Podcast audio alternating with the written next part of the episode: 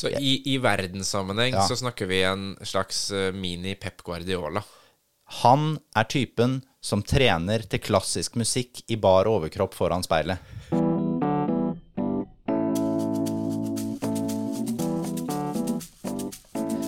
I dag skal det handle om treningskultur, sponsorer, økonomi, støtteapparat og FFKs talenter.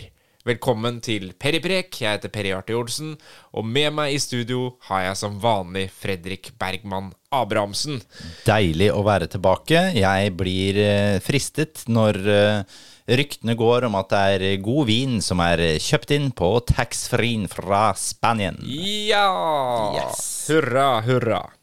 Ille bra. Det er eh, det vi skal Det, det kommer vi tilbake til. Ja, deilig. Men eh, altså, nå har jo guttene tatt uh, sommerferie. Eller hvor mye ferie de har, det vet vi jo ikke. De skal sikkert trene litt. Nei, jeg og- håper jo at de får slappe av litt. De fikk slappe av litt under idyll, og så håper jeg de får slappe av litt og få tatt seg et par eh, kalde på brygga, og at det ikke er like mange som ble tatt på 90-tallet, da høstsesongen ble litt trist for Fredrikstad sin del. Vi var jo gode da og på våren, og så drakk vi det bort på brygga, men det håper jeg at vi ikke gjør i år. Ja, ja, ja. Men samtidig så savner vi jo disse profilene, da, som gjorde litt spill og Ja, og det, ja, ikke sant, for det er jo sånn derre Vi kan si at fotballen har jo blitt mye mer eh, profesjonell, og det har vi snakka om før. De ser jo ut som noen greske guder, alle gutta utpå der. Det, det er ikke mye pappakropper eh, der borte nå, og det, det er jo bra.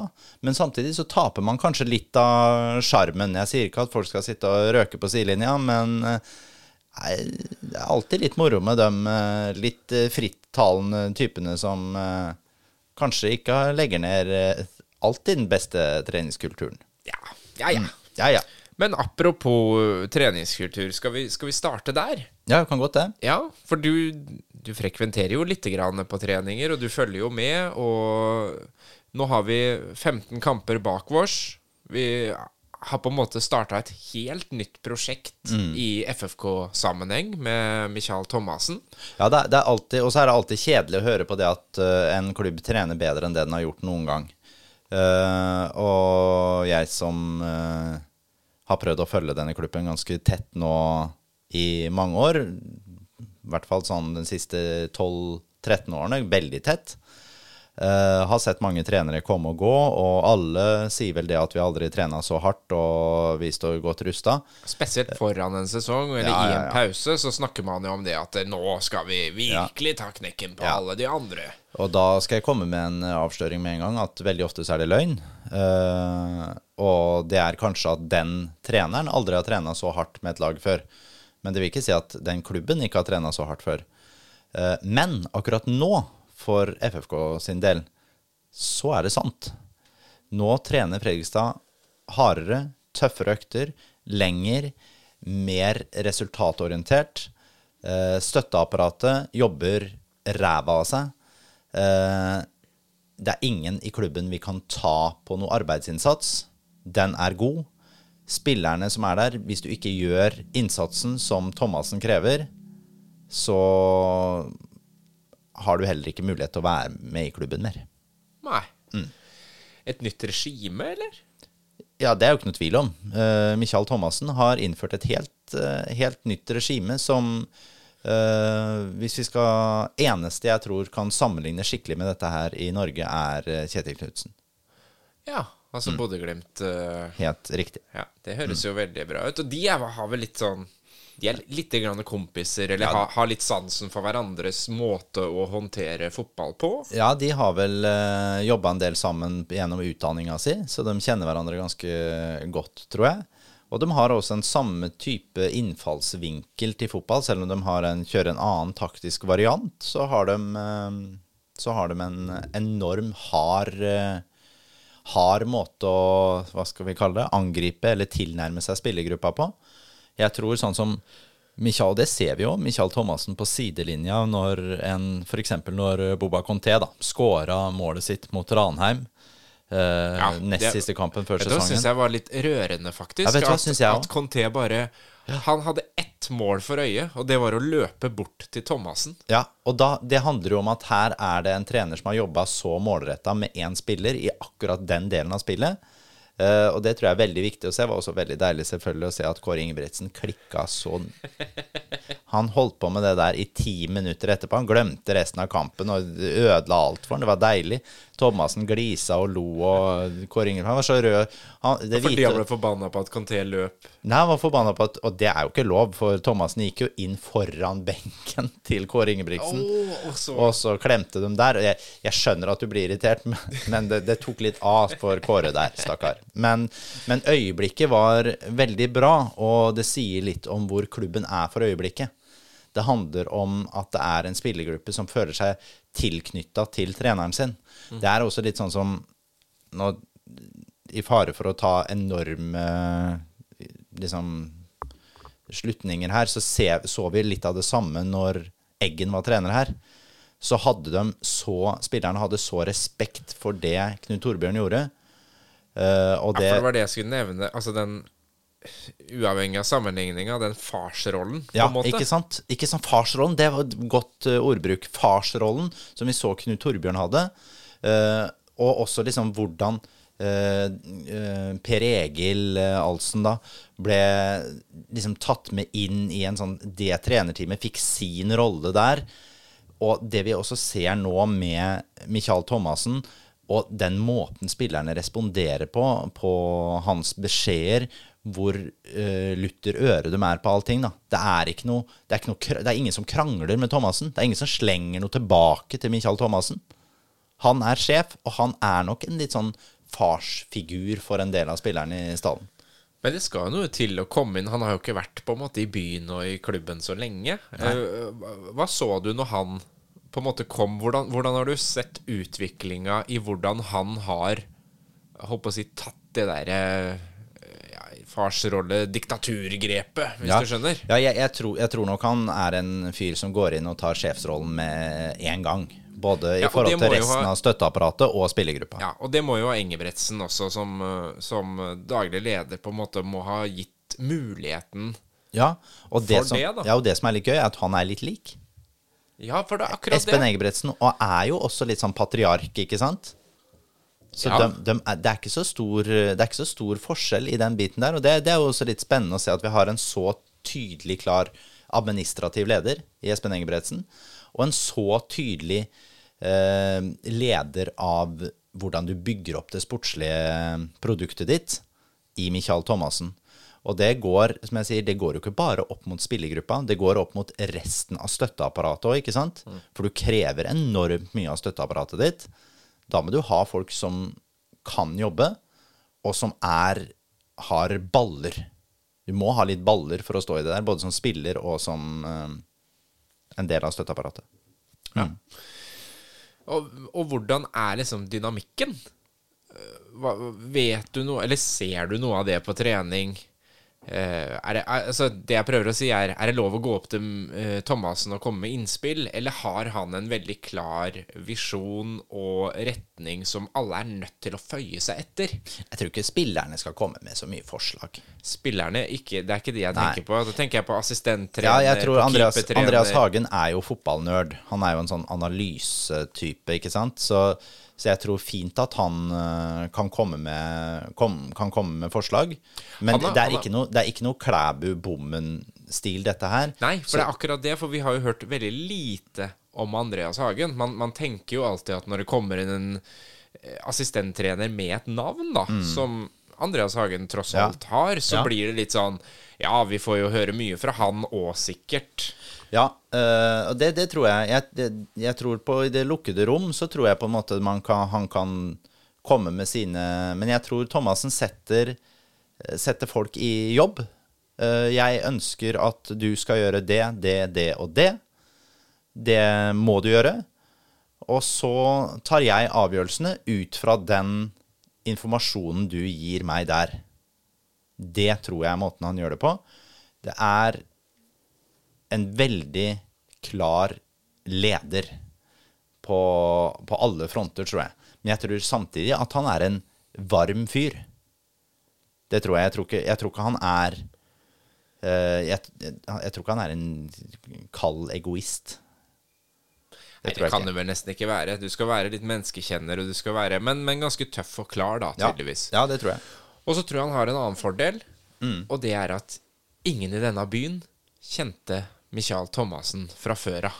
Det var ingen som kunne gå og si at vet du hva, han har jeg tatt mange øl her med ute på brygga. Ikke sant? Det, det- dette blir bra, gutter. Og jeg skal faktisk opp på kontorene nå og ta en liten prat om hvilke spillere vi er nødt for å hente. Ja, og det for vi har jo hatt, vi har jo hatt mange trenere etter Eggen. Vi får bare vi får legge det der. Vi har, vi har hatt en Andreas Grønhagen som hadde enorme midler til rådighet, eh, og fikk gode resultater med det. Eh, gjorde også en god jobb, og så var det en god del utenomsportslig, både sykdom og andre ting, som gjorde at det ikke klaffa helt. Eh, nå jeg, sitter jeg ikke med trenerlista i hodet, og så hadde vi en eh, Trond Amundsen eksempel, som egentlig er en assistenttype. Som kom inn. Vi har Tom Freddy Aune, som er litt av det samme. En sånn type assistentfyr. Han er ikke en som tar rommet, en sånn tydelig, klar leder. Eh, og så rota vi oss bort i Lars Bakkerud. Masse utenomsportslige ting som vi ikke bør gå inn på, men eh, det, var noe, det var ikke noe mer å hente der. Eh, Arne Erlandsen har vært inne. Helt fullstendig diktator og en meget spesiell måte å forholde seg til unge spillere på, spør du meg. Og så hadde vi Mons Ivar Mjelde, en kjempevarm, hyggelig, koselig fyr. En av de jeg har hatt mest sansen for som hovedtrener i Fredrikstad. Vi har hatt eh, Håkon Vibe Lund, som er en sånn type litt det samme som Tom Freddy var. på en måte. Han er også en assistentfyr. Kjempehardtarbeidende, bra fyr. Ikke noe tydelig leder. Eh, og så har vi hatt uh, BP Ingebrigtsen, f.eks. Han var innom en kort periode, leda dem i tre kamper. Oss heller ikke han en stor leder, men en felttrener som har vært god. Og du har glemt han som alle hadde så ille trua på? Andrea Loberto. Nei, jeg har ikke glemt Andrea Loberto. For Andrea Loberto er det største feilgrepet FFK har gjort i moderne tid. Uh, Andrea Loberto, han hadde ingenting. Det, det, han hadde ingenting av de tingene her. Han gjorde merkverdige grep på nesten alt. Eh, han leda jo også klubben til nedrykk til Post Nord. Eh, og der der er det jo en sånn Da, da ansatte man han jeg tror, Da tror jeg man sto mellom uh, når han ble ansatt, så tror jeg man sto til slutt mellom Jørgen Vålemark, som nå trener uh, Han trener Raufoss nå, men han hadde vel da voldsom suksess i Var det Varberg? Det tror jeg han hadde. Eh, men man valgte da Andrea Loberto, og det måtte vi betale for lenge etterpå. Eh, men det var egentlig ikke det vi skulle snakke om nå. Men så har vi jo da hatt Per-Mathias Høgmo, som er en leder, men en mye mer uh, Han er jo ikke så autoritær. Og så Han er mer av den poetiske ja, Fantast, han er en fantastisk fyr og samtalepartner og tar med å bygge klubb. Han er jo egentlig en eh, kanskje liksom sånn sportssjef som han passer kanskje best til, sånn som jeg kan se det, liksom. Eller en motivator, hvis Ja, man har muligheten Sånn der, til å ha det i tillegg. ja, da. Som kan trekke de store linjene. Jeg mener jo perfekt sportssjef. Eh, og så har du jo da Bjørn Bommen, som uh, kommer med en stor spillekarriere bak seg. Uh, hadde suksess i klubben først. har jo vært gutt 16-landslaget nå. Eh, men der òg var det jo en sånn jevn fordeling da mellom han og Klæbo. Eh, og ja, det, det er jo ikke mislykka de årene under bommen. Vi bygde jo klubb da òg. Og så har vi nå fått inn en som er en soleklar leder, og som du Jeg, jeg får liksom litt trua på han. Jeg har aldri Jeg må si alle de trenerne som vi har snakka om nå, så er han den første treneren som jeg ikke har veksla et ord med. Er det sant?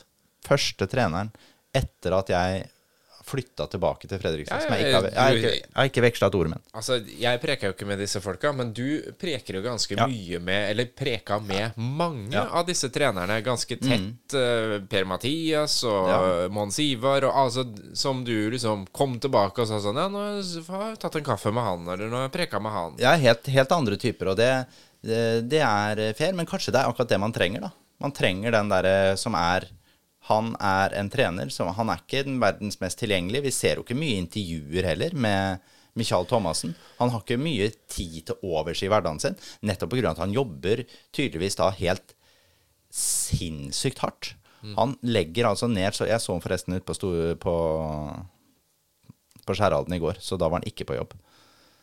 Ja. Nei, da var han rett og slett kommet med sekken sammen med kona si. Men det kan hende at det da hadde han er- litt fri, Ja, men og det kan- trenger man. Ja, det trenger man. Ja. Men det kan hende han også da går og grubler på noen ting. Og Det kan tenker godt, litt og kan legger, godt hende. legger noen Det kan godt hende. Ja. Og han er jo en litt sånn derre uh, Det her vet jeg jo ikke noe om, men det er bare sånn jeg ser den, så ser jeg jo for meg sånn uh, Nå skal ikke jeg bruke ordet psykopat, for det brukes ikke mer. Uh, men han er jo en sånn jeg, jeg tror han er på en måte Han er en gnuer helt enormt. Han kan, jeg tror han kan liksom gå helt inn i et dødballtrekk, eller kan eh, se for seg en situasjon nå, som vi har sommerferie, i kamp nummer tre, som ikke ble noe ut av det for Mjøndalen, men det var veldig irriterende at ikke vi fikk brutt spillet der, for der hadde vi muligheten for å få til en overgang. Ikke sant? Så i, i verdenssammenheng Ja. så snakker vi en slags eh, mini-Pep Guardiola. Han er typen som trener til klassisk musikk i bar overkropp foran speilet. Ja. For dem som har lest Brett Easton Ellis, så ja. Nei, vi trenger ikke å dra den referansen noe, noe lenger. Men, eh, men det er jo helt tydelig at det har eh, skjedd noe med klubben. Og som du sier, da, at det kanskje ikke er like lett å bare spasere inn i kontorlokalene for de såkalte gamlegutta og mene masse ting. Ja, nei, og det tror jeg på en måte er bra. Også, det, jeg tror på en måte man kan, man kan Jeg føler klubben er eh, mer åpen Klubben er mer åpen nå enn det den var for noen år tilbake. Eh, altså, da snakker jeg veldig kort tid, altså for bare to-tre år siden. Så føler jeg at uh, etter at man har flyttet administrasjonen ned og sånn, så føler jeg de er tilgjengelige. Eh, både Espen Engebretsen, Joakim Heier, eh, Espen Østerhaug, Anders Østli. Jeg, jeg føler at det er en klubb som er eh, varm og tilgjengelig for både supporterne sine, de som jobber innen journalistikkens verden. Jeg føler at det er en god tone der, men akkurat den sportslige ledelsen på felt, de får ordne med sitt. Og det er kanskje helt greit. Men, men treningen er åpen og Ja, ja, ja. tilgjengelig. Ja, ja, ja. og- Bare kom og se. Ja, er Thomassen er på feltet hver gang? Ja. Eller er det, ja, for, for Bommen og Klæbo gjorde det litt annerledes, på en måte. Ja, de, de, gjorde, ja, de gjorde det litt annerledes, men så, så Jeg veit ikke, jeg. Det, det snakket jo Når Bommen måtte gå, så gikk det jo mange rykter om at han var veldig lite på feltet. Det var også feil. Han var mye på feltet, han. Men det var Klæbo som leda mye treninger. Ja. Men eh, la oss ta for oss sånn litt sånn sportslig apparatet, da, når vi først eh, er i gang med det. Mm. Og liksom snakke oss igjennom hvilke, hvilke folk som, som står bak her, rett og slett. Ja. Espen Engebretsen har vi jo nevnt som liksom en, en veldig klar og tydelig type som kom inn og, og tok noen grep som vi hadde etterspurt, eh, spesielt i podkasten her òg. Ja, jeg tror, jeg tror vi var helt nødt til å få inn en type som Espen Engebretsen for at klubben skulle ta videre steg. Hadde ikke Espen kommet inn, så tror jeg nå at vi hadde hatt et budsjett som hadde vært 6-7 millioner lavere enn det vi har i dag. Mm. Det, det går på at han er en fyr som stiller knallharde krav, samtidig som han har ambisjoner, men han har også baller til å ta grep. Eh, og vi snakket om en litt som en patriark i stad, og det tror jeg er helt riktig. Jeg tror, eh, jeg tror ikke noen skal begynne å pelle Espen Engebretsen mye på nesa, inkludert Michael Thomassen. Da tror jeg ikke du kommer så langt. Nei. Og så var jeg i hvert fall veldig spent på hvordan kommer Joakim Heier til å passe inn i Espen Engebretsens uh, nye system, på en måte. Med et uh, tydelig valg av en annen type hovedtrener, kanskje mer langsiktig tenkning, en uh, klarere ledertype. Og, men han skulle få, samtidig da få jobbe med sport og talenter og hente spillere. Ja, og det, det har jo Joakim Heier må jo ha en helt annen hverdag nå enn det han har hatt de siste årene. Så man slipper all den andre administrative jobben, og skal nå jobbe i all hovedsak opp mot spillemarkedet. Som en direkte sportssjef, som man har det i Eliteserien for de beste klubbene. Uh, og så, så må vi jo da se at for at man skal vurdere en sann type jobb, så må man få noen overgangsvinduer på seg. Eh, men man må også få noen overgangsvinduer med den samme treneren, med en, den samme fotballfilosofien. For det er vanskelig nå å vurdere Joakim Heiers jobb eh, forrige sommer. Ja, for hva er liksom ønskene De, de overgangene til der. For Thomassen? Hva er Engebretsens krav til å ta jobben? Alle de tinga der. ja, så må vi jo huske at vi hadde en policy her når Joakim Heier har henta spillere før, at vi skulle hente unge, utviklingsbare spillere. Eh, nå har vi jo snudd eh, den litt, og henter nå mer etablerte spillere som koster litt mer, eh, men som kan gå direkte inn og prege laget med en gang. Eh, og så ser vi jo det at vi har henta spillere som Johannes Bjartali, Brandur Henriksson. De, har, de er jo færøyske gutter som Dem må vi legge på Michael. Eh, og så har vi henta Tim Bjørkstrøm. eh, kaptein på Sirius. eh, har gjort en eh, god jobb. Det må vi ta at det er en henting som Joakim Heier har gjort. Eh, den, den er han bak. Uten at jeg veit hvem som har trukket i hvilke tråder, så vil jeg tenke det. Og så har vi henta Simen Raffen hjem. Det er jo ikke en henting. Det Simen hadde kommet om eh, du hadde vært sportssjef der òg. Han, eh, han skulle hjem. Det Da hadde han i hvert fall kommet, for å si det sånn. kommet. Han skulle komme for to år siden. Eh, Jeg tar nemlig bare dem jeg har hørt om fra før av. Eh, hvilke flere er det som har kommet? Conté eh, kommer fra nabobyen i Sarpsborg. Eh, det er ikke noen stor speiderjobb som er gjort der, men det er jo selvfølgelig en forhandlingsjobb for å få landa signaturen. Eh, og så har vi henta Mikael Madden? Ja, det var jo da forrige sommer Ja, da vi skulle ja. hente unge utviklingsbare, ikke sant? Ikke sant? Uh, uh, så, samme vindu da, så er det jo også Lukas Lima kom, ikke sant, som er i den samme potten-kategori. Ja. men vi, har- vi henta vel noen flere før sesongen, gjorde vi ikke det? da? Det, Julius Magnusson, selvfølgelig. For det er jo det, han som er på en måte hentinga. Eh, jeg vet ikke hvem som på en måte har gjort det store initiativet der, om det er Michael eller om det er Joakim Heier. Eh, men det må jo bare sies at der har vi gjort en veldig, veldig, veldig god jobb. For det er en eh, spiller som det laget er veldig avhengig av. Mm. Ja. Yes.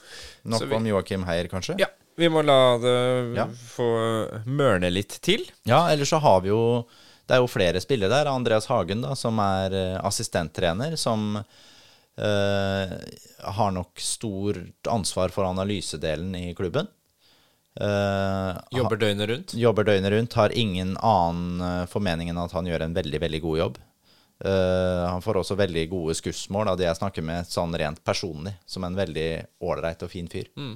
Man er jo alltid litt spent når liksom litt kjente folk kommer tilbake, hvor mye plass de er opptatt av å ta utad. Ja. Og det er jo også en sånn generell ting vi kanskje ser her nå eh, i apparatet. At uh, assistenttreneren, eh, den fysiske treneren, uh, keepertreneren, Samuel Dircher Altså, de er ikke sånn De stikker ikke fram huet. De jobber med sitt, de. De jobber med sitt, og det er vel litt av det vi ser. Det er vel kanskje en uh, litt tydeligere medieprofil òg, der Espen Engebretsen tar ganske mye av, av det ansvaret. Eh, noe som jeg tror eh, klubben er veldig tjent med. Ja, det tenker jeg òg. vi trenger jo ikke å gå lenger enn at eh, man har hørt intervju med Espen Engebretsen og med Joakim Heier om de samme tinga. Mm. og det er en som ikke ønsker å svare, og det er en som gjerne deler. Ja. Og byen er jo veldig glad når noen gidder å dele tanker, visjoner, drømmer og forhåpninger for Ja. klubben. For det skaper engasjement. Det skaper engasjement, og det er det som er så forbanna viktig. At vi, vi må bygge klubb. Vi må bygge opp bruset i byen. Eh, Det er ikke så forbanna mange som kommer på stadion. Vi må bygge opp klubben til at dem som er nå 35 år og bor i Oslo etter å ha studert der, de skal komme hjem annenhver søndag og gå på kamp.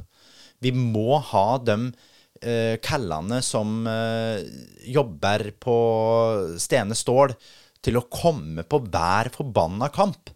Det er en selvfølge. Det er noe, det er ikke noe spørsmål. Kona skal ha symøte, skal hjelpe henne å klippe gresset utafor så det ser pent ut. Nei, beklager, det kan jeg ikke. Det er, det er kamp. Hørtes du gammeldags ut? Ja, men, det, ja, men jeg beklager. Sånn, sånn, sånn må det bare være. Ja, skal vi ikke ta en liten tur bort til Nordby her på, på, på Jeg kan ikke det. Det er lørdagskamp. Det er lørdagskamp. Skal ikke på Nordby da? Det er eliteserie. det er jo dette her vi trenger. Det skal være en selvfølge å komme på Freistad stadion. Ungene utpå Kråkerud ungdomsskole det, skal være, det skal være det de har lyst til. Hva skal du i helga? Nei, jeg vet ikke. Det er kanskje ikke så mye som skjer, utenom at jeg skal på stadion, selvfølgelig, på søndag. Selvfølgelig. Det er det du skal. Det samme skal de si på Haugåsen. Det samme skal de si på Fredrik 2. Og du skal få de folka som kommer fra Moss, som går på, på Fredrik 2. De skal faen ikke heie på Moss mer. De skal gå over og heie på Fredrikstad, for det trekker med seg folk. Du skal ha syke, sykepleierstudentene som er der, som ikke har vært interessert i fotball før. Hun Margot fra Ørsta, hun hater fotball, men hun syns det er artig med stemning. Hun skal på stadion. Og da trenger vi folk som engasjerer. Yes. Yes. Det er bra, det. Ja, det er, det er akkurat det der. Det Apropos det, bra, det. så har vi jo, har vi jo et styre òg, da. Ja. Som sitter her og ordner og greier. Ja, men vi har jo større av det sportslige apparatet òg, så vi, vi må bare hylle dem som hylles kan. Eh, vi har en, eh, vi har en juniortrener i Thomas Johnsen. Eh, han eh, Jeg har ingen formening om hvor god jobb han gjør, men det blir snakka varmt om ham, i hvert fall i klubben. Eh, så, så thumbs up for eh, han. Eh, Samuel Dircher, eh, keepertrener nå. Jeg vet ikke hvem årstall han kom til klubben, ja, men det var vel i to foran 2018-sesongen, tror jeg kanskje det var. Så han er jo en av dem i klubben med lengst fartstid. Uh, og så kan vi jo se om han er fornøyd med hans jobb, men uh, vi har vel en keeper som er ganske ålreit og har hatt ganske god utvikling, eller? Det har skjedd noe der, for Ja. å si det sånn.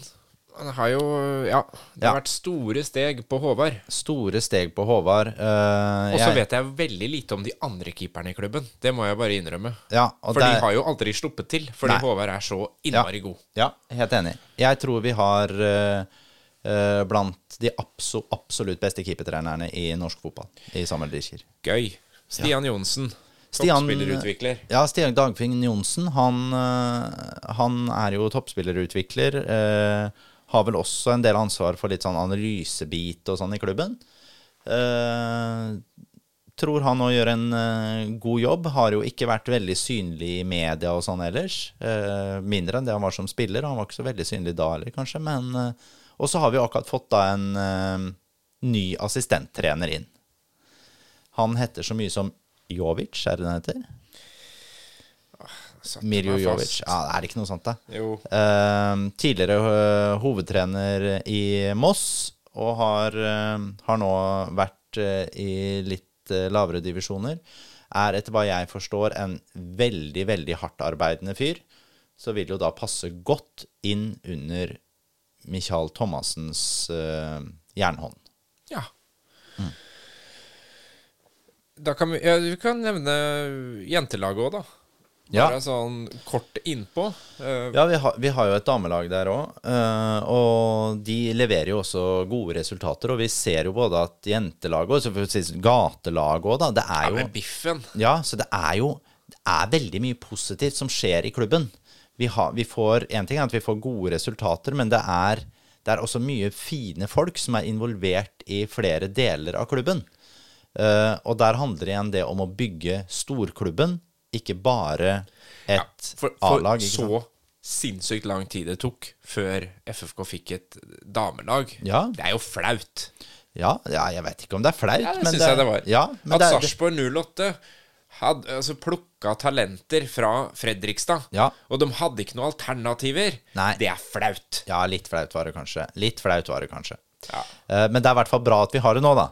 Ja, det er bra, det. Uh, og det, er bra, det, det. det vil jo bare si at klubben er jo De er på riktig vei på, på ganske mange parametere, altså. Det er en klubb som nå selges godt ut i media.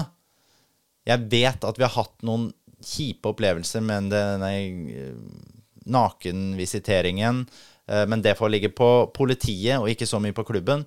Og så har vi jo noen eh, individer, jeg vil ikke kalle de mennesker, men noen individer som har sluppet røykbomber inne på toalettene.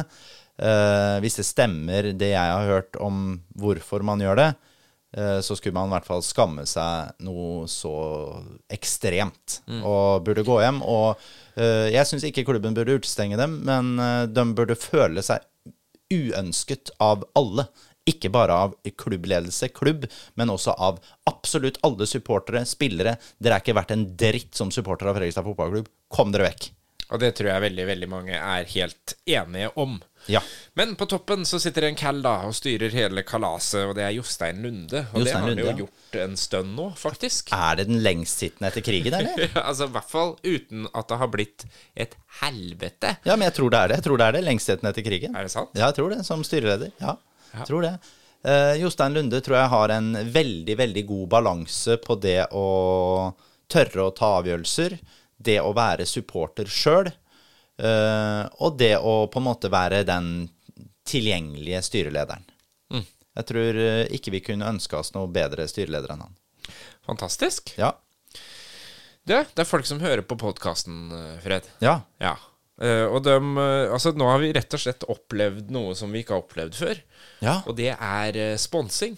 Det er deilig. Ja, rett og slett. Og det er på vinbudsjettet, da. Ja, det, det er jo, det er jo bare her- der vi trenger spons. Her har vi altså fått øremerka midler til eh, vinbudsjettet. For det er dyrt med, det er dyrt med dette vingreiene. Det er klart det å holde det gående. Det er klart det er det, og så Ja. drikker vi jo mye etterpå det nå, vet du. Det så det, så det, er, Det skal holde oss i gang. Og så skal det være så dyre viner hver gang. Familien skal man tenke på. Ja, ja, ja. ja, ja. Men eh, vi har altså fått to eh, fantastiske bidrag fra Jan Fredrik Haugen. Og eh, fra vår eh, gode venn Fredrik Vattum Sandli. ja. Ja, som har eh, sendt inn noen bidrag. Fredrik Vattum har også sendt inn forslag til vin, så akkurat oh. den vina skal vi spare. Fordi jeg har ikke fått vært Altså, jeg kom hjem på lørdag kveld, vet du. ja, ja, stemmer. stemmer. Søndag, Ja. og så Ja. Ja. Så jeg har ikke fått vært på, vært på polet ennå. Nei, hadde de ikke på taxfree-en, eller? Nei, hadde ikke det. Nei, hadde ikke den der. Nei, skjønner. Så jeg har plukka fram eh, en som jeg tenkte han Jan Fredrik kunne by på, da. Åh, og da spennende. er vi Ja. Og nå har jeg ikke gått for noe dyrt i det hele tatt. Men jeg har uh, lest meg opp Mm. på en del uh, Hva vintips her, da. hva, er, det er- klarer du å helle der? Ja, jeg klarer å helle her. Skal vi se her nå. Sånn. Mhm. Og den heter Det er jo veldig enkelt å huske på, da. Ja. Den her får du på polet. Dirt Track heter den. er det noe amerikansk eller noe sånt, eller? Ja, dirt Track, hva kan det være, liksom? Er ikke, er ikke det. Det er ikke amerikansk. det må jo da være noen med engelskspråklig Kanskje sånn Ja, litt koloni har det sikkert vært. Ja, det, du er i, du er i Sør-Afrika? Eh, Det er helt riktig. Vi er nede i Svartland. Mm. Svartland står det her. Jeg, den har jeg aldri smakt eh, før. Nei. Vi skal Hva tenker du, da? Jeg ser, du er ikke helt fornøyd? Nei, nei, det, Du er på det franske, tunge italienske og franske, du, vet du. ja, nei, det Barolo, Chateauneuf de Papp, sånne ting holder du på med. Jeg syns det er gøy å Ja, jeg òg sånn- og syns jo det, og det er jo litt sånn derre hvis vi hvis vi snakker om en som vi liksom Som du og jeg drikker mye sånn etter poddene, da, som vi ikke snakker om sånn ellers, det er jo den derre som har blitt en liten sånn billig favoritt. Det er jo den bread and butter, den mm. amerikanske. Mm, Pinot noir. Og den, eh, den syns jeg også er en sånn lett og deilig vin, så jeg må ikke bare ha tunge. Og den her, den var ikke sånn helt superlett, den her. Nei. Og jeg syns heller den var eh, fint drikkende. Uh, skal vi jåle oss til å si at den passer med noe sterk ost eller sånn, eller? Ja, sikkert. Mm. Det er mye vin for penga, i hvert fall. Det kan du si. Ja. Hva, hva, hva tipper du han ligger på på polet? Jeg tipper den ligger på 169 kroner. Ja, da får du den til 139 Ja, se der. akkurat nå. Deilig. Ja. 30 kroner spart. Så det er ikke så dumt. Nei, veldig, Og veldig det tror jeg, hvis man går liksom litt utafor uh, Frankrike, Italia, Mm. og leter etter litt lignende viner, så får du ganske Da kan du slå av en 40-50 ja, kroner på, ja, for, for på mye. er, ja, for det er jo en greie, og det, det burde man kanskje bli enda litt flinkere til òg.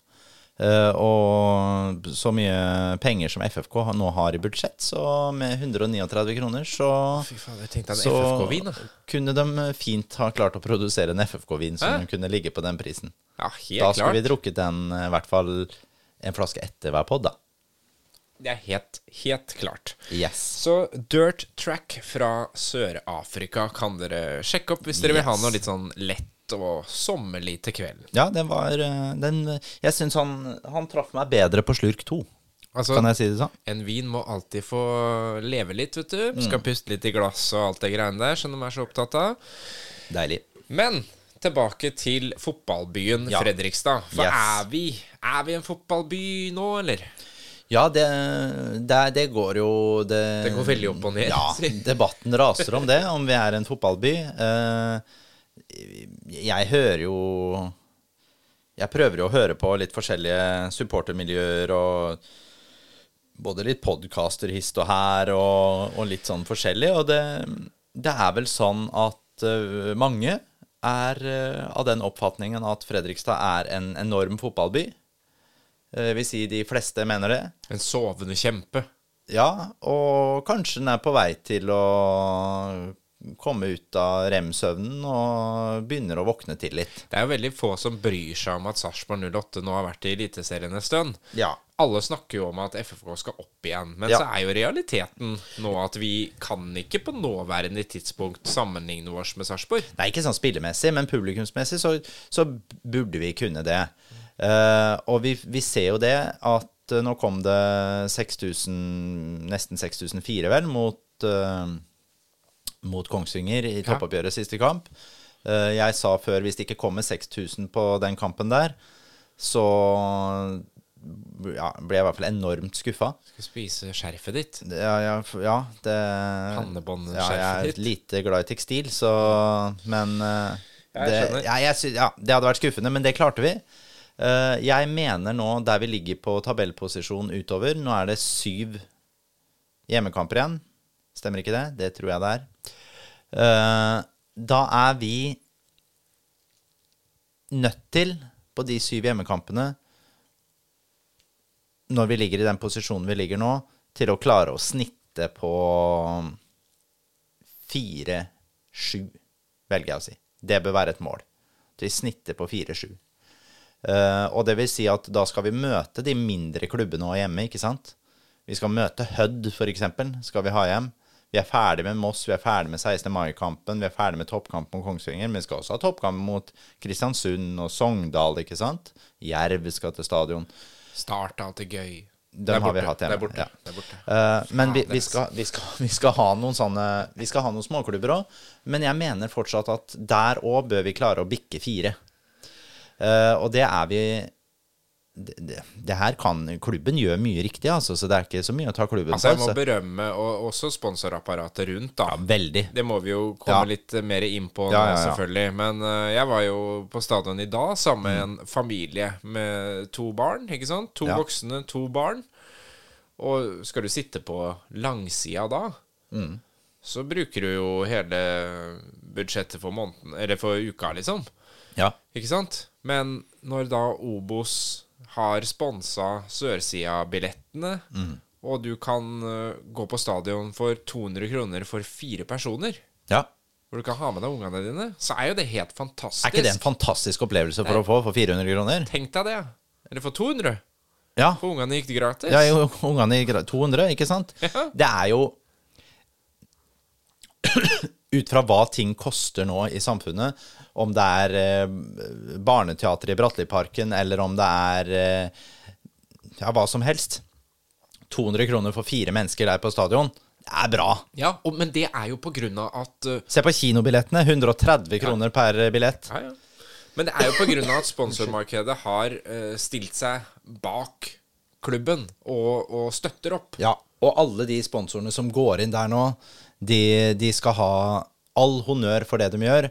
Eh, og det handler om eh, selvfølgelig flere ting. Det handler om at de òg ser verdien av å ha Fredrikstad som et topplag.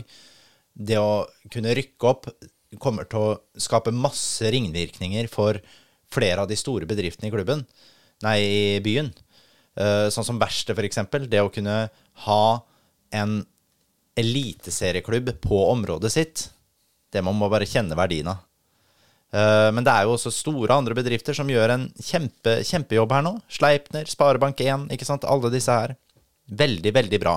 Det er vi superfornøyd med. Nå trenger vi at publikum våkner enda mer. Eh, Det var mange der på denne Kongsvinger-matchen.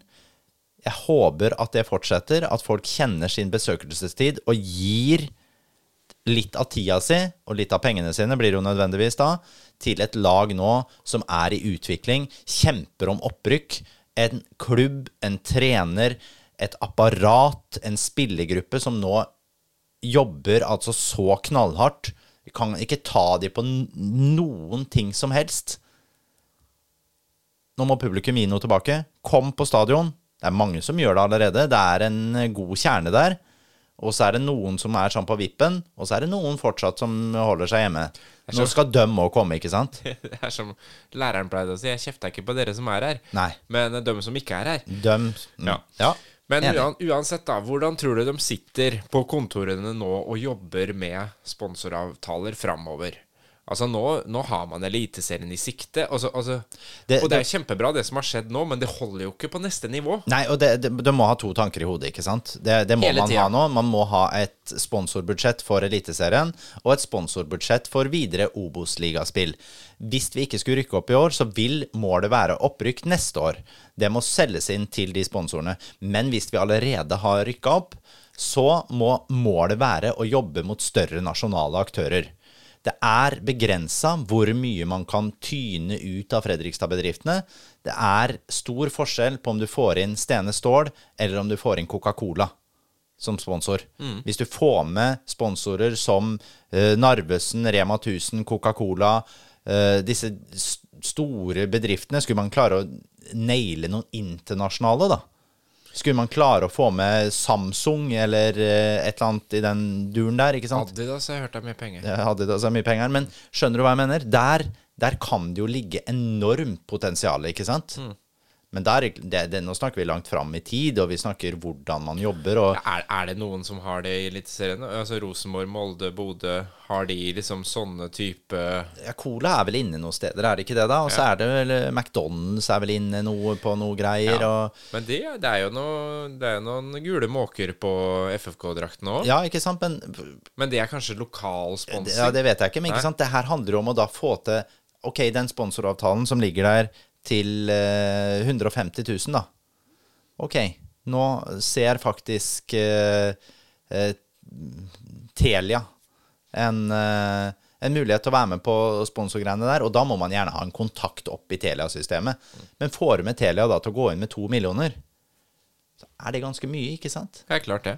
Får du verksted, går vi opp i Eliteserien nå med verksted, som står i et brytningspunkt når virkelig utvikle en av landets hotteste plasser til å bygge boliger og bygge et helt ny bydel.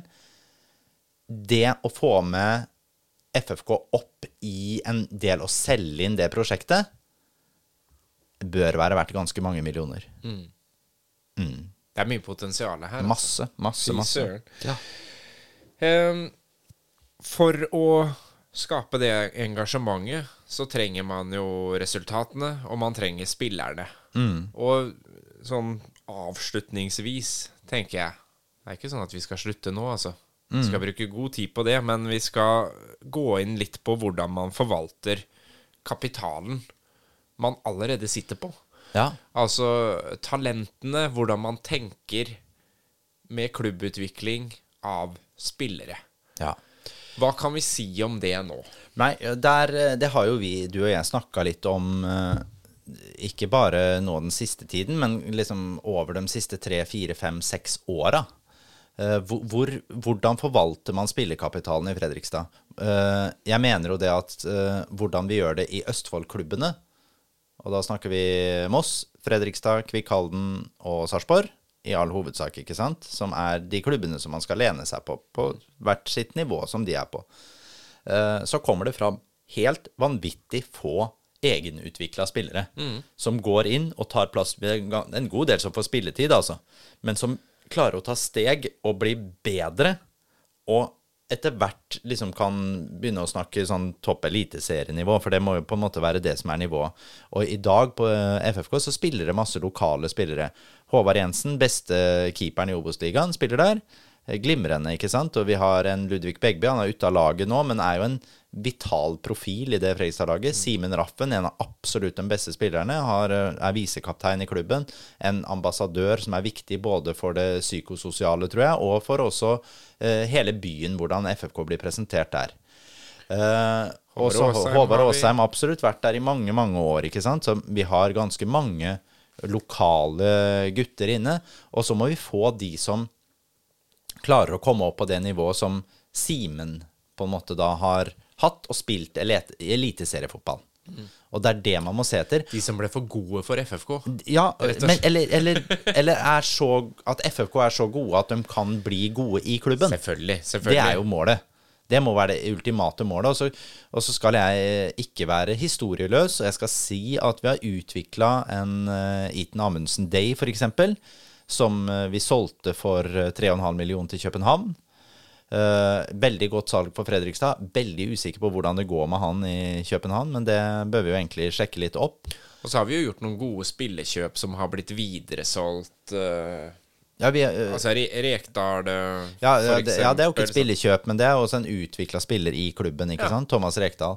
Uh, som nå sitter på benken i Odd og får veldig lite spilletid der, og vil eh, Ja, vi, der kan vi jo ta en vurdering på om det er en spiller eventuelt som kan være aktuell for FFK. Men der er han ville jo da kanskje vært aktuell i Julius Magnusson-rollen, og han er dårligere enn Julius. Ja. Uh, det var en liten avsporing, men, men det er, vi har jo også gjort noen gode investeringer i spillere. Uh, Taufek Ishmael, ikke sant? Som da er uh, en spiller som er hos oss én sesong. Er blant Obos-ligaens to-tre beste spillere. Og vi selger den videre for eh, rundt 5,5 million til Lorient. Og så har han på en måte vært utlånt til Vålerenga og Beveren og ikke hatt den store suksessen etterpå. Vi får se om han eventuelt kanskje er aktuell for Skandinavia etter hvert. Og jeg hadde jo alltid sagt ja til å få Tafek Ishmael tilbake til Fredrikstad, selv om han kanskje er en spiller som passer bedre i et 4-3-3. Men jeg tror fint det hadde vært plass til han allikevel på topp for Fredrikstad. Eh, og ellers så har vi jo henta to spillere, og det er jo det vi må snakke litt om. Prosit. Takk. Eh, og det er de to som vi snakket om før sesongen, som våre to kanskje heiteste salgsobjekter og tydeligste profiler. Og det går på alder, og det går på hvilke type spillere det er. Og det er Lucas Lima, og det er Noah Williams. De to unge svenskene våre. Som jeg glemmer litt at er så unge. I hvert fall Lukas Lima. Ja, To 21-åringer, ikke sant? 21 år, Ja. folkens. Uh, Lucas Lima har jo mista plassen til Ricky Alba. Det Vi bør ikke gå noe mer inn på det og hva man mener der. Jeg mener jo at Lucas Lima har et veldig, veldig, veldig høyt potensial. Ikke bare på banen, men også for Fredrikstad som en mulig inntektskilde. Sånn er fotballen, dere. Godta det. Man kan tjene ganske mye penger på å forvalte gode talenter. Da trenger man tillit, og man trenger da å utvikles. Da vil prisen din stige hele tiden. Lucas Lima tror jeg er en vi kunne tjent ganske mye penger på. Hans verdi synker dag for dag når han sitter på benken. Og det her er jo et kjempedilemma. Ja. Mm. Og litt sånn paradoks for klubben. Fordi at byen har ikke tid til å vente på et opprykk. Ja. Vi må ha, være 100 sikre på at de som spiller på banen, de leverer det de skal, som gjør at FFK rykker opp til Eliteserien. Det her er balansegangen, ikke sant? Hvor mye de skal få tillit. Uh, og en enda tydeligere For jeg syns jo Ricky og Noah, nei, Ricky og Lima er ganske like spillertyper. Uh, så jeg er jo der at det er en på 28 og en på 21. Uh, jeg hadde gått for 21-åringen. Eh, en annen spiller er jo Noah Williams. Hvis du hadde hørt på eh, de forskjellige fotballpoddene før sesongen, fra eh, både eliteserieklubber eh, og Obos-ligaklubber, de som er eh, nøytrale podder til aviser og sånn Det er én spiller som er trukket fram fra FFK, fra Fredrikstad, som spennende. Noah Williams. Ja. Noah Williams får spille maks fem minutter per kamp Ja. i FFK for tiden. Og her, nå skal jeg bare skyte inn en ting. For her har jeg lyst til å ta en Ranheim-kampen. Hvor vi da leder 4-0 etter 68 minutter. Ja. Ikke sant? Mm. Så 70 minutter, da. Ja. Det er, god, det er 20 gode minutter igjen Ja. for vår som er OK i hoderegning. ja. I det 86. minutt kommer Noah Williams inn. Mm. Hvorfor i helvete får ikke han prøve seg før i en sånn kamp? Ja, der mener jeg jo det at uh, det her Vi ligger på annenplass på tabellen. Jeg skal ikke ifrågasette uh, Michael Thomassen. Nei, men hvorfor Men vil man ikke gi unggutta ja, og sjansen? jeg mener her at vi setter inn Der så tidlig så setter vi inn altså uh, Tim Bjørkstrøm. Tim Bjørkstrøm trenger ikke den kamptreninga der. Etter 75 minutter så går Filip Aukland ut, og Tim Bjørkstrøm kommer inn. Ja, Der skal selvfølgelig Noah Williams komme inn isteden. Det er Stian Bjørn- Molde som går skal- ut. Begby kommer inn. Ja, det er helt og, riktig. Og Henriksson eh, kommer inn for Conté. Helt riktig bytter. Og Lucas uh, Lima Ja, for det er et firedobbelt bytte der. Alba. Ja, så de, de tre av dem er helt greie, og det går ikke på Tim Bjørkstrøm. Han trenger ikke den kamptreninga i de 20, 20 minuttene, eller hva det blir. Det er helt unødvendig. Noah skal ha dem. Noah skal inn der for Bjartali og få de minuttene på banen. Det er for meg merkelig. Det er dårlig forvaltning av spillekapitalen du har i klubben. Her kan du gi en spiller som har et enormt potensial. Alle kan se det. Jeg klarer å se det jo at han er dårlig defensivt. Men her leder vi 4-0. Vi Spiller ingen rolle. vi bør ikke være redd for at Ranheim skal hente oss inn. De har fader ikke vært over midtbanen hele kampen. Her kan vi gi en spiller som vi faktisk sitter på, en mulighet for å kunne tjene ganske mange millioner på. Det, det mener jeg. Noah Williams med tillit ja, det, Han kan bli omtrent så god som helst, altså. Men det er jo sånn som i siste matchen nå. Nå ble det jo litt uheldigheter med skader og sånn. Han får jo ikke et eneste minutt. Eh, For Noah Williams sin del så bør han bort fra Fredrikstad i sommervindu. Eh, For Fredrikstad bør låne den ut også. For dem, hvis de ikke skal bruke den, så er det bedre å utvikle den i en annen klubb. Da bør han lånes ut. Det hjelper også utenlandskvota vår. Noah Williams Jeg skulle veldig, veldig gjerne ønske at Fredrikstad håndterte dette på en annen måte. Det er en spiller som fortjener mye, mye, mye mer spilletid.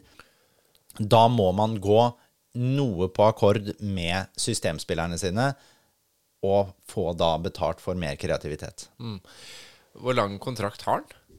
Ut neste år òg, tror jeg. Ok, så, så det begynner å egentlig haste litt. eh, ja. Ja, det, det, vi, vi må jo ta noen avgjørelser der, men det må jo han òg. For ellers så vil jo karrieren hans stagnere fullstendig. Er det andre spillere som vi på en måte har eh, sett eh, allerede, som vi må gjøre lignende valg over eller tenke rundt? Altså, Lima og Williams stikker seg jo liksom fram, men så har vi jo to bak, da. Tage Johansson og eh, Oskar Kjøge. Kjøge. Ja, Ikke sant? Uh, ja uh, og det òg vil jo være en diskusjon. Oskar Kjøge har vi beholdt i klubben nå. Han er stopper nummer fem av de når vi bruker en treer bak der. Uh, han Nå kommer jeg til å være hard. Han er ikke god nok, tror jeg, til å ta med seg til Eliteserien. Dessverre. Han har kontrakt neste år også, så mm, der bør vi etter hvert tenke på hvordan vi skal håndtere det. Eh, Tage Johansen han er utlånt til Skeid. Jeg har prøvd å se det meste av Skeid. Eh, Tage Johansen har dessverre ikke vært eh, Han har ikke vært bra for Skeid. Eh, og der er jo, etter hva jeg skjønner, man veldig uenig i hvordan Tage Johansen blir vurdert. eh, hvor stort potensial han egentlig har. Eh, jeg er jo av den oppfatning at jeg tror eh, aldri Tage Johansen blir en stor eliteseriespiller. Dette er jo spillere som vi på en måte kjenner til, som vi har eh, sett på en innhopp eller Mm. fra start til og med. Men så skjer jo mye i systemet ellers òg, da. Så Tage fikk jo veldig mange sjanser. Han spilte jo de fem første rundene, og Ja. så ja, Og så var ikke, så var ikke Michael fornøyd, og, og var også såpass misfornøyd eh, da sannsynligvis at han var langt unna å få spille. Han prøvde, ga han mange sjanser, Men- mente men at ikke Tage jo- tok sjansen, og ga da den videre til Brage Skaret, Som tok sjansen. tok sjansen. Ja. Men, men der har du jo eksempler på en spiller som faktisk fikk den sjansen. Så, Mm. og, og hvis Noah Williams er så mye større talent, da Ja, men hvor, han hvorfor får ikke Jo, han for han passer ikke inn i systemet. Ok. Han, pass, han er for dårlig defensivt for Michael Thomassen, og det kan vi ikke ta Michael på, for han har jævla gode resultater hittil. Men det blir problematisk for forvaltningen av spillekapitalen vi har i klubben, og det er ganske viktig å ta med seg. Og det må det gjøres ganske gode vurderinger på, og hvis du da ikke skal være aktuell for lengre innhopp enn fem minutter eller ingenting, da må vi forstå litt hva vi gjør, og så må vi vise litt hva vi ønsker. Eh, og det handler litt om å prøve å se også litt lenger fram i tid. Vi har jo, eh, vi har jo gjort Jeg har lyst til å bruke tre spillere som eksempler der. Og det er eh, den som er lengst unna i tid, er vel han Hva heter han her? Pavel. Eh, Fredrikstad-gutt, men med polske aner, som gikk til Rosenborg. Vi fikk ikke noe spesielt ut av han. Han er vel, var det egentlig Trosvik vel som utvikla han mest.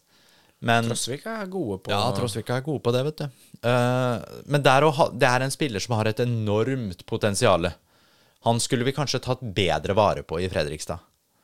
Og så har vi eksempel uh, Koko, hvis du husker han. Ja, ja, Ikke sant? Koko husker jeg. Koka, Koko, kaka, Koko.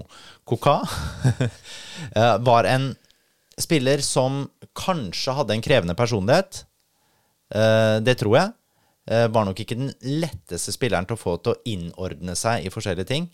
Men hadde jo noe annet. Var jo spennende. Var en stor bidragsyter til at Moss gikk opp i fjor. Eh, var vel noe uoverensstemmelse med Thomas Myhre der, som gjorde at det ikke ble noe videre spill der, men er nå blant de helt beste spillerne på Arendal, som kjemper om opprykket igjen til Obos-ligaen. Eh, og Jeg sier ikke det at Koko hadde nå gått rett inn på Fredrikstad-laget, men han heller fikk jo egentlig ikke noe ordentlig sjans, og det oppleves kanskje som om det handler om at det er mye personlighet, da. Som at vi, at vi ikke klarer helt å håndtere de personlighetene som ikke er helt A4 og treningsprodukter, sånn som Eaton Amundsen Day, på en måte, som er en sånn kjempepliktoppfyllende Som bare går rett inn i ja, ikke sant, kjempe, og hvor- gjør akkurat det han får beskjed om, og det er ikke noe tull og tøys, og det er ikke noe utafor. Nei da, hun møter opp med skoa dine i hånda hver morgen. Ikke sant? De som, gutta som ikke gjør det, da.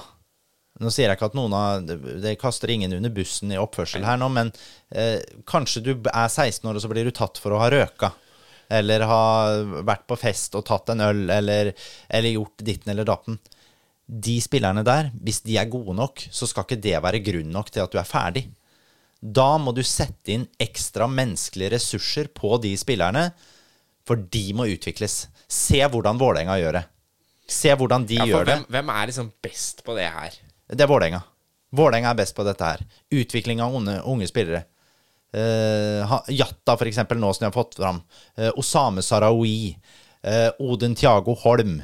Alle disse unggutta her som Som, de som spiller der, ja, de spiller og nå har forsvunnet ut. Men, Ja.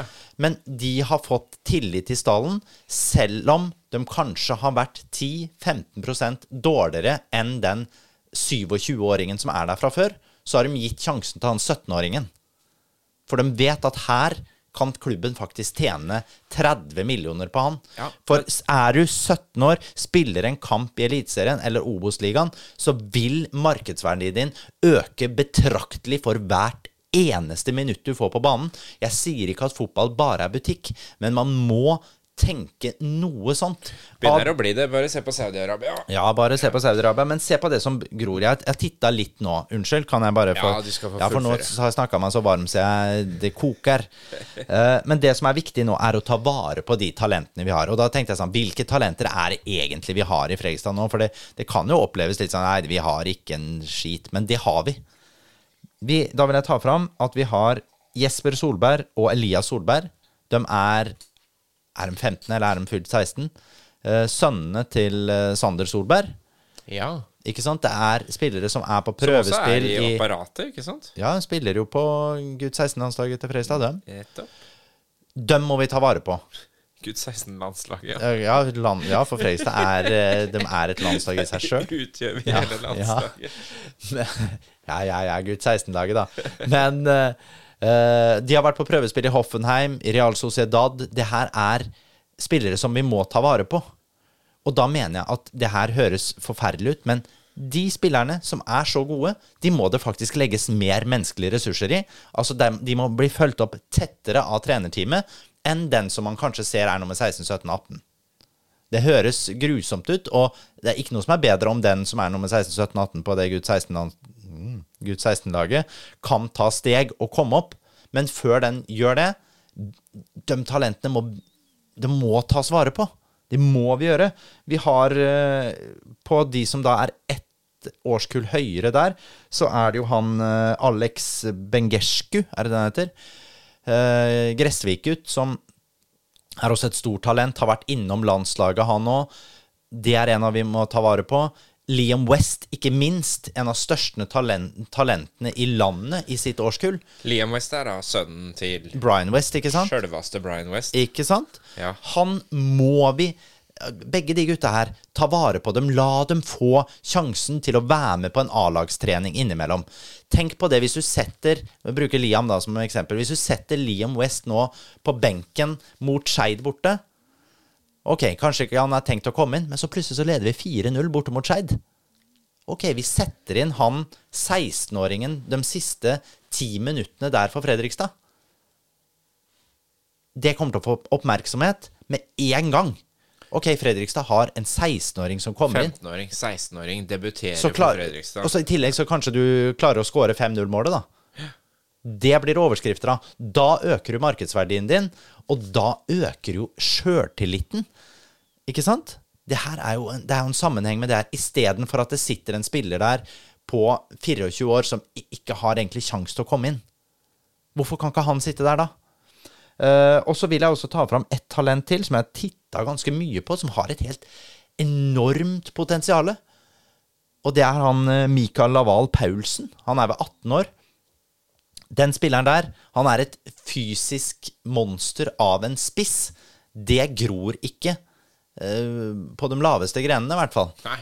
Så den spilleren der må nå få noen treninger med A-laget til Fredrikstad. Han skal Prøv, la han få sjansen. Hvis det er holdningsproblematikk, jeg vet ikke hva, om det er noe sånt, men han har jo fått veldig lite tillit sånn. Og er 18 år, så Ja. kunne på en Ja, måte poten hatt Potensialet er der, Ja. men da må du få sjansen på noen treninger. La han sitte på benken i noen Obos-kamper. La han kjenne litt på nivået. Ok, da må han plukke opp hansken. Thomas Johnsen, som er trener der, ja, han må kanskje få hjelp av en annen i støtteapparatet til å følge opp han enda mer, en sånn type spiller, som har et sant potensial, ikke sant? Det her er, det er kjempeviktig for videre klubbdrift. Det her er både eh, økonomikapital og rent spillerkapital på banen. Det her, det her må vi huske på. Ja, det er, ve det er veldig bra. Og som, altså, du trekker fram Vålerenga, Mm. og jeg tenker at de har, øh, har vært i en helt annen posisjon i Ja. veldig mange år, Ja. som gjør at de har muligheten til å drive klubb på den måten her. Jeg, jeg forstår, jeg forstår det. Og at FFK kanskje ikke har det akkurat nå, selv om de burde gjort det. Jo, FFK har det nå òg. Ikke til å gjøre som Vålerenga gjør, og sette fem gutter på 17 år på benken, men du har alltid mulighet til å sette en 17-åring, 16-åring der. Det kan du gjøre. Eh, hvis du tenker at ikke Mikael Maden har noe framtid i Fredrikstad fotballklubb, så trenger ikke han å sitte på benken der mot Kongsvinger. Det kan Liam West gjøre isteden. Ja, la oss bare ta Vi kan jo se på det, da. Det var, øh, det var Åsheim, Lima, Williams, Maden, Bjørkstrøm, Begby, Tage Johansson og Conté som satt der. Ikke Tage Johansen, vel? Jansson, sorry. Ja, ja. Ja. Ja, og det er én mann av dem der som ikke trengte å sitte der, og det er Mikael Maden. Mikael der, Maden. der kunne fint Mikael Mann kunne ikke kommet inn uansett. Han hadde ikke kommet til å komme inn der. Der kunne Liam West sittet. ja. Hadde skapt engasjement. Å! Det ble klikk, på, i klikk i media. Oi, oi sønnen til Brian West sitter på benken, ennå. Ikke sant. Tariq Elionussi Han var fader ikke god nok for FFK-troppen når han satt der, men han fikk lov å sitte der. Han fikk lov til å få innhoppa. Han gjorde det ikke noe bra. Han bomma på en haug med sjanser, men så løsna det. Og da hadde vi et enormt både spillermessig eh, kapital-issue der, i tillegg til at vi kunne tjene ganske mye grunker.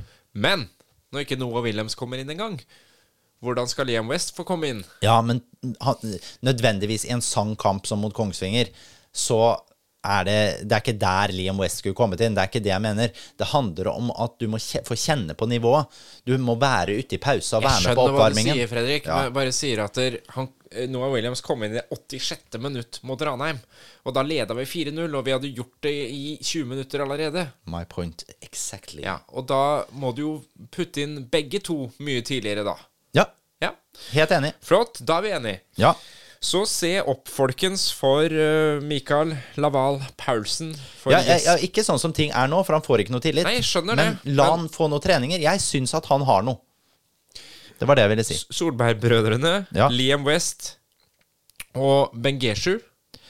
Ja, Bengescu, eller ja, jeg vet Ja. ikke helt åssen du sier det, men uh, begge både Liam og Alex er jo Gressvik-gutter der, så de, eh, de, de jobba bra der borte òg. Så bra. Mm.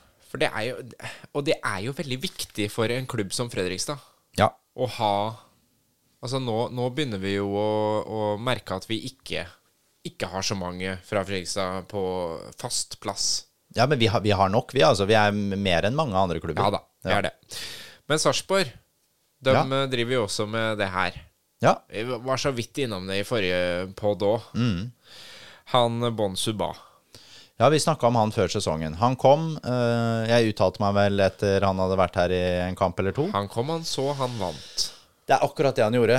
Det var lett å se at det var en spiller som hadde noe helt spesielt ved seg. Eh, Jeg sa da at jeg syns det er helt vanlig. Jeg vet at Molde var eh, interessert der hakket før Sarpsborg var inne. At ikke de henta han, er tjenesteforsømmelse fra deres side. Eh, Bon Suba har vært god i Eliteserien. Jeg trodde kanskje han skulle vært enda bedre enn det han var. Men han går for 60 millioner direktesum, som sannsynligvis blir 72 eller noe sånt, etter noen add-ons. Det er, ganske, det er en ganske grei sum etter å ha vært i klubben i fire måneder og komme på gratisovergang, eller? Ja, Sånn blir det penger av. Det er god klubbdrift. det er helt utrolig. Mm. Hvor går den? Eh, Bonsuba han eh, signerte for, eh, for Genk. Eh, Genk er liksom Jeg slår meg ikke som en klubb som bruker 60 millioner sånn, men eh, det er jo ja, Ja. det, er mye, det er mye penger både i belgisk og nederlandsk fotball, vet du. Ja, ja. ja. Så nei, men det, poenget er at vi, vi, vi må ta vare på de, de vi har. Og det er ingen som ville blitt solgt for 60 millioner fra Obos-ligaen. Det er ikke det jeg sier, samme hvor god du er, på en måte. Uh, men vi, vi må huske på de talentene vi har, og de må da få tillit. Og de helt unge må også få prøve seg å trene med, med A-laget. Jeg er helt enig. Apropos eh, både rivalisering og det å ta vare på våre største talenter. Mm. Kråkevingen-podden, Ja. Mossepodden, vet du. ja. For det første så har de tippa da FFK på En god pod, forresten. tredjeplass. Ja. Ja. kjempeflinke. Ja. Tredjeplass, og det jo, ser jo ikke så gærent ut nå. Nei, jeg syns det er godt tips, jeg. Du hadde dem også på tredjeplass. Ja, ja de, jeg hadde Moss på siste, så de ligger jo på sjuende. Så, så der har jeg bomma rett og slett veldig, så beklager til Moss der. Det er bare å legge seg helt flat. Men det er én ting vi må pirke litt borti, da. Nei, jeg syns det er litt morsomt. Ja, for det, Håvard Jensen mente, mener de altså at Moss har en bedre keeper Ja. enn Håvard Jensen. Ja, Det de- mener de. Det var helt klart at Ranmark var bedre enn Håvard Jensen. Ja. Og så mener de at eh, Mats Nilsen ikke har det som skal til for å holde Obos-nivå. Ja, de brukte det som eksempel at uh, Fredrikstad går nok ikke opp, og en, en av de grunnene var nok da usikkerhetsmomentene i Håvard Jensen og i Mats Nilsen. Uh, at de skulle være grunnene til at vi ikke skulle gå opp, uh, det Der må vi si at eh, det er lov å si at de bomma der, eller? Jeg må være lov å si Det det. er lov å si at de bomma der. Og så skal det sies at vi gikk hardt ut og sa at Moss skulle røkke ned, så det Ja, så da det skal vi si at det er 1-1. Nei, skal vi si at det er 2-1 til vårs? To, fordi kanskje. at de har sagt Mats Ja. Nilsen og H... Altså, vi har bare tippa et resultattips. Det er greit. Ja. Det er greit, det er 2-1. Men det som er gøy der da med Moss, er jo at det er, det er litt artig å få med litt rivalisering, og det bygger jo litt sånn Det bygger jo klubb, det å ha Jeg ser jo ikke på Moss som en direkte rival sånn spillemessig, og det, det gjør at de har ligget nede med brukket. Det har jo vi gjort òg, men det har vært så veldig sånn Det har vært så trøtt i Moss. Uh, men det, det, begynner å, det begynner å komme seg både supportermessig og det kommer seg spillemessig, absolutt. Og så tror, tror jeg at jeg tror at det er et blaff, og jeg tror at Moss kommer til å falle litt nedover på tabellen. Uh, jeg tror ikke det blir noe kvalikplass på det Men samtidig så ser man jo, når det er kamp på stadion og Moss kommer på besøk, Det er at det gjør noe med byen. Ja, og det er gøy å få til disse rivaliseringsgreiene. Og, og det verste jeg veit, det er når man sier sånn Er moroa Moss tilbake? Ja, det er moro for de rivalkampene, men ikke si det. Ikke si det. Si at du ønsker Moss til helvete, ønsker at de røkker ned. De, de sitter jo og ønsker selvfølgelig at Fredrikstad skal komme på 16.-plass. Selvfølgelig. Selvfølgelig gjør de det. Det er, og folk som sier sånn ja, nei, det er moro. Jeg håper i hvert fall hvis Fredrikstad går opp, så håper jeg ikke Sarpsborg detter ned, så vi får å Håper du ikke Sarpsborg detter ned? Selvfølgelig skal du håpe Sarpsborg detter ned, du skal håpe Sarpsborg detter ned, du skal håpe at det går til helvete oppi enenda der. Det skal, det skal gå drit, og Petter Kalnes skal gråte på slutten av arbeidsdagen sin. Sånn skal det være der, og de skal slite i bånn av Obos-ligaen. Det hadde vært deilig. Så kan de få rivaloppgjørene sine om å komme på kvalikplass eller rykke direkte ned fra Obos. Der ønsker jeg å ha dem. Jeg syns kampene er fantastiske, men jeg ønsker dem jo alt vondt. Og det er her skadefryd og fotballglede møtes. Deilig harmoni der, altså. Deilig harmoni. Det fins talenter vi skal uh, følge med på, og det kommer mere periprek. Og da skal vi gå gjennom hvilke spillere som nå skal forsterke stallen.